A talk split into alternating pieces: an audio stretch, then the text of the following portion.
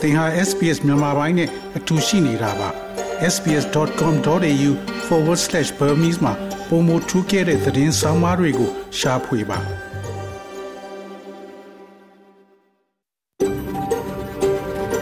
SBS A world of difference You're with SBS Burmese on mobile, online and on radio. mobile online နဲ့ radio ပေါ်မှာသင်ဟာ SPS မြန်မာပိုင်းနဲ့အ တူရှိနေတာဖြစ်ပါတယ်တော်ရရှိမြချက်တိမင်္ဂလာဖျားဖျားနဲ့ပြည်စုံတော်မူကြပါစားခင်ဗျာဒီနေ့ဇူလိုင်လ9ရက်စနေနေ့မြန်မာပိုင်းစီစဉ်များကို SPS Radio မှစတင်အသံလွှင့်နေပါရခင်ဗျာဒီနေ့စီစဉ်များကိုကျွန်တော်ကြော်ထိုးအောင်ခေါ် Terrell အောင်ကတင်ဆက်သွားမှာဖြစ်ပြီးယနေ့ပါဝင်မိအစီအစဉ်များမှာတော့ဗီဇာလှုပ်ဆောင်အားတွင် နောက်ကျချန်နေမှုများကို ရှင်းလင်းရန်အစိုးရကကတိပြုဆိုတဲ့ဆောင်းပါဩစတြေးလျကမ်းရိုးတန်းရဲ့မြည်သည့်အစိတ်ပိုင်းများသည်ပင်လယ်ရေမျက်နှာပြင်မြင့်တက်လာမှုအောက်တွင်ပျောက်ကွယ်သွားမလားဆိုတဲ့ဆောင်းပါ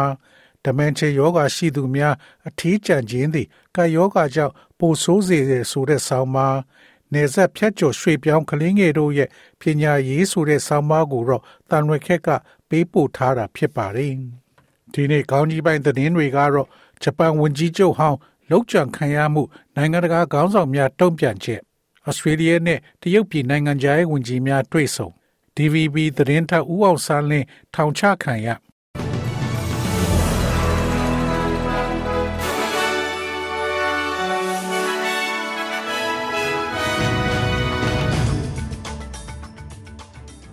ယခုချိန်ကစာပြီးသတင်းများကို ကျွန်တော်ကြော်ထုံးအောင်ကစတင်ဖတ်ကြားပါတော့မယ်။ဂျပန်ဝန်ကြီးချုပ်ဟောင်းလှုပ်ကြံခံရမှုနိုင်ငံတကာခေါင်းဆောင်များတုံ့ပြန်ချက်ဂျပန်ဝန်ကြီးချုပ်ဟောင်းရှင်ဇိုအာဘေးစီယုံမဲဆွယ်ပွဲတစ်ခုမှာတနတ်နဲ့ပြစ်ခတ်ခံရပြီးသေဆုံးသွားခဲ့ပြီးနောက်နိုင်ငံတကာခေါင်းဆောင်တွေဝန်နေစကားပြောကြားနေပါတယ်။ဝန်ကြီးချုပ်ဟောင်းအသက်ရှင်ဖို့သူ့ဆူတောင်းမပြေခဲ့ဘူးလို့လက်ရှိဂျပန်ဝန်ကြီးချုပ် ဖူမူယိုကီရှိဒါကပြောကြားခဲ့ပြီးဘယ်လို့မှခွင့်မလွတ်နိုင်တဲ့လောက်ရဖြစ်တယ်လို့ပြစ်ခတ်မှုကိုအပြစ်တင်ရှုံချပြောခဲ့ပါတယ်။ဂျပန်ဝန်ကြီးချုပ်ဟောင်းအချမ်းဖက်ပြစ်ခတ်ခံရတဲ့အတွက်တုံ့လှုပ်စိတ်မကောင်းဖြစ်ရတယ်လို့အိမ်ဖြူတော်ကလည်းထုတ်ပြန်ပါတယ်။ဂျပန်သတင်းတွေကသမ္မတဂျိုးဘိုင်ဒန်ကမပြတ်စောင့်ကြည့်နေပါတယ်လို့ထုတ်ပြန်ချက်မှာပြောထားပါတယ်။ဒီသတင်းကြောင့်တုံ့လှုပ်ရတယ်လို့အင်ဒိုနီးရှားနိုင်ငံဘာလီကျွန်း G20 စီဝေးတက်ရောက်နေတဲ့အမေရိကန်နိုင်ငံသားရေးဝန်ကြီးအန်သိုနီဘယ်ကင်ကလည်း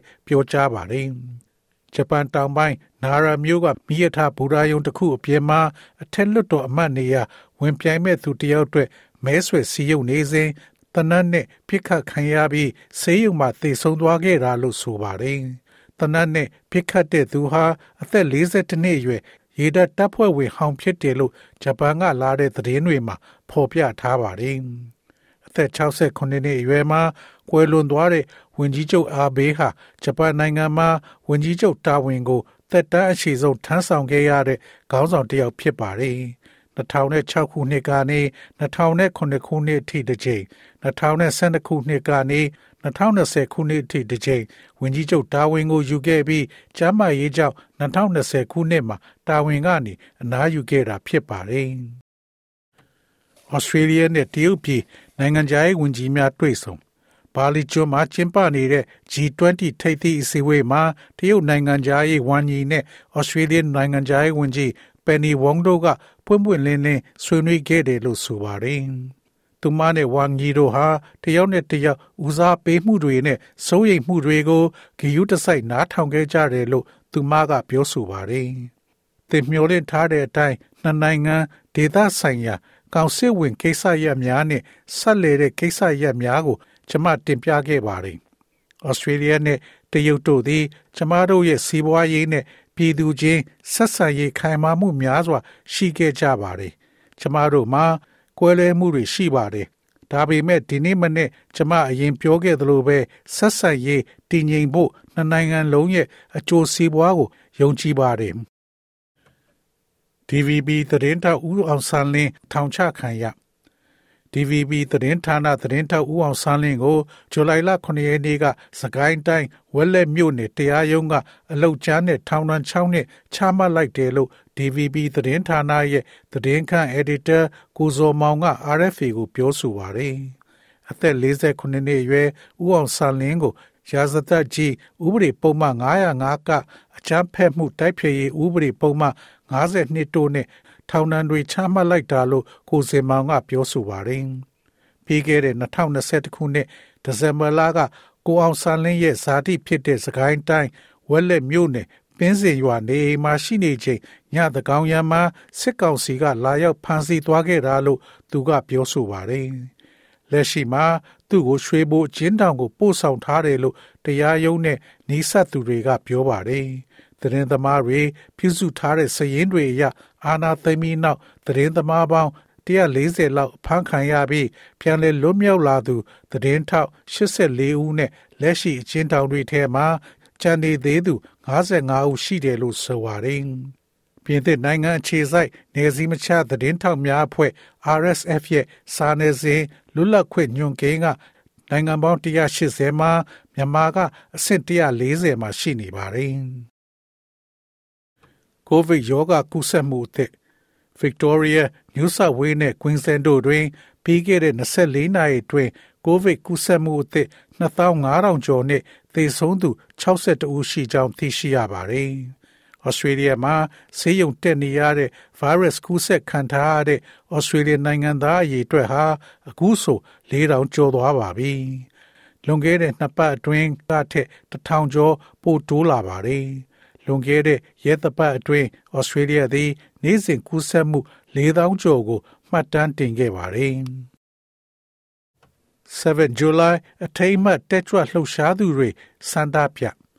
1962ခုနှစ်ဇူလိုင်လ9ရက်နေ့မှာ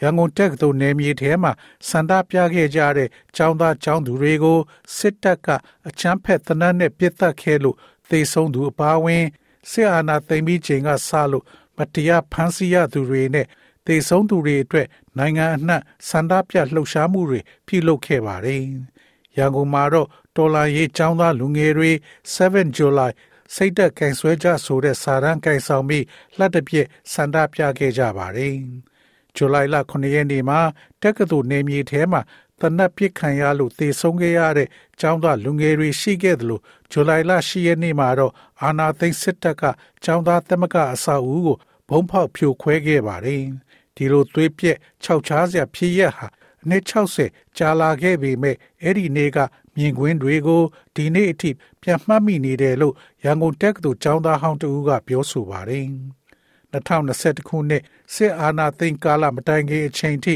နှစ်စဉ်ဇူလိုင်လ9ရက်နေ့ရောက်တိုင်းရန်ကုန်တက္ကသိုလ်ထဲကသမကမြက်ခင်းပြင်မှာအောင်းမေ့ပွဲအခမ်းအနားကိုကျောင်းသားလူငယ်တွေကဥဆောင်ကျင်းပနေကြဖြစ်ပါတယ်။အခုလိုစေအာနာသိမ်းထားတဲ့ကာလမှာကျောင်းသားလူငယ်တွေအပြင်ပြည်သူလူထုတရက်လုံးကစေအာနာရှင်တွေရဲ့ လောက်ရပေါ်သိရှိနေပြီဖြစ်လို့ဒီအရေးတော်ပုံဟာမကြာခင်အချိန်တစ်ခုမှာအောင်ပွဲရနိုင်ဖို့မျှော်လင့်ထားတယ်လို့လူပေါင်းသစ် Democratic Party ဥက္ကဋ္ဌလည်းဖြစ်88မျိုးဆက်ဦးအောင်မိုးစောကပြောဆိုသွားပါတယ်။ Australia နဲ့ New Zealand ဆက်ဆံရေးဩစတြေးလျတွင်တစ်နှစ်ကျော်နေထိုင်ခဲ့သောနယူးဇီလန်နိုင်ငံသားများသည်နှစ်နိုင်ငံကြားသဘောတူညီချက်အသစ်ရမကြားမီမဲပေးခွင့်ရတော့မှာဖြစ်ပါれ။ ဝန်ကြီးချုပ်အန်သိုနီအယ်ဘနီစီနဲ့နယူးဇီလန်ခေါင်းဆောင်ဂျက်စင်ဒါအာဒန်တို့သည်အမြဲတမ်းနေထိုင်ခွင့်ပုံမရရှိလမ်းကြောင်းများပေးအပ်ခြင်းပါဝင်နှစ်နိုင်ငံကြားဆက်ဆံရေးလှုပ်ခတ်မှုအားဆွေးနွေးရန်တွေ့ဆုံခဲ့ပါတယ်။နယူးဇီလန်တွင် နေထိုင်သောဩစတြေးလျနိုင်ငံများသည်မဲပေးပိုင်ခွင့်ရှိပြီးသားဖြစ်ပြီးအပြောင်းလဲသည် Tasman အိမ်နီးချင်းများကြားအပြန်အလှန်သဘောတူညီချက်ကိုဆိုလိုပါတယ်။နိုင်ငံများသည် နိုင်ငံသားများအတွက်ပုံမချောမွေသောအသွင်ကူးပြောင်းရေးစီသို့ဥတီလှုပ်ဆောင်ရန်လိုအပ်တယ်လို့ Mr. Albanese ကပြောကြားခဲ့ပါတယ်။ခေါင်းဆောင်များသည် လာမယ့်သတင်းပတ်တွင် Pacific John Forum သို့တက်ရောက်ရန်ပြင်ဆင်နေချိန်တွင် Pacific ဒေသအတွင်း၌တရုတ်နိုင်ငံရဲ့တည်ရှိမှုကိုလည်းဆွေးနွေးခဲ့ကြတယ်လို့ဆိုပါတယ်။အားကစားသတင်းမှာတော့ Nick Kyrgios က Australia ရဲ့ tennis သမားဟောင်းတွေက သူ့ကိုဖြိုခွဲဖို့စ조사နေတယ်လို့ပြောဆိုပါတယ်။ Wimbledon champion ဟောင်း Pat Cash က Nick Kyrgios အားယခုနှစ်ချန်ပီယံပြိုင်ပွဲတွင်လှည့်စားခြင်းခြေလေခြင်းနှင့်အလွဲသုံးစားလုပ်ခြင်းတို့ကိုဆွဆွဲပြီးနောက်၎င်းရဲ့မှတ်ချက်များထွက်ပေါ်လာခြင်းဖြစ်ပါသည်အမျိုးသားဘောလုံးပွဲတွင် Novak Djokovic နှင့်ရင်ဆိုင်ရမယ့် အသက်29နှစ်အရွယ်ကလေတန်ဟီဝက်သည် သူ့အနားတွင်ရပ်တည်နေတဲ့တူဒီသော အားကစားသမားဖြစ်ကြောင်းပြောဆိုပါတယ် SBS SBS SBS SBS SBS This is SBS Radio. ငွေလဲနှုန်းမှာတော့ Australian dollar ကိုမြန်မာကျပ်ငွေ1280ကျပ်ရရှိပြီး American dollar ကိုမြန်မာကျပ်ငွေ1848ကျပ်ရရှိပါတယ်။ Australian dollar ဟာ American 68စက်နဲ့ညီမျှပါတယ်။မနေ့ဖြန် Australia တိုက်မှာရှိတဲ့မြို့ကြီးများရဲ့မိုးလေဝသခန့်မှန်းချက်ကတော့ Sydney မြို့မှာအပူချိန်18 degree centigrade ရှိမှဖြစ်ပြီးမိုးရွာသွန်းမှာဖြစ်ပါတယ်။ Melbourne မြို့မှာအပူချိန်14 degree centigrade ရှိမှဖြစ်ပြီးများသောအားဖြင့်နေသားမှာဖြစ်ပါတယ်။ Brisbane မြို့မှာအပူချိန်20 degree centigrade ရှိမှဖြစ်ပြီးများသောအားဖြင့်နေသားမှာဖြစ်ပါတယ်။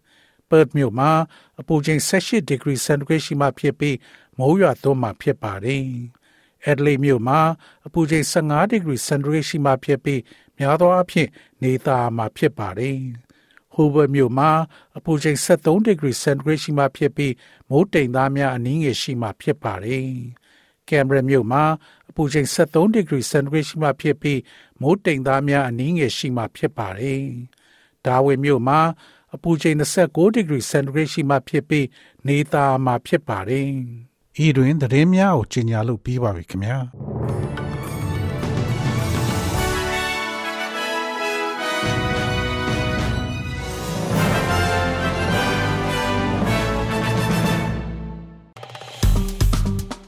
SBS မြန်မာပိုင်းကို Facebook ပေါ်မှာ like ရှာပြီး like မျှဝေမှတ်ချက်ပေးပါ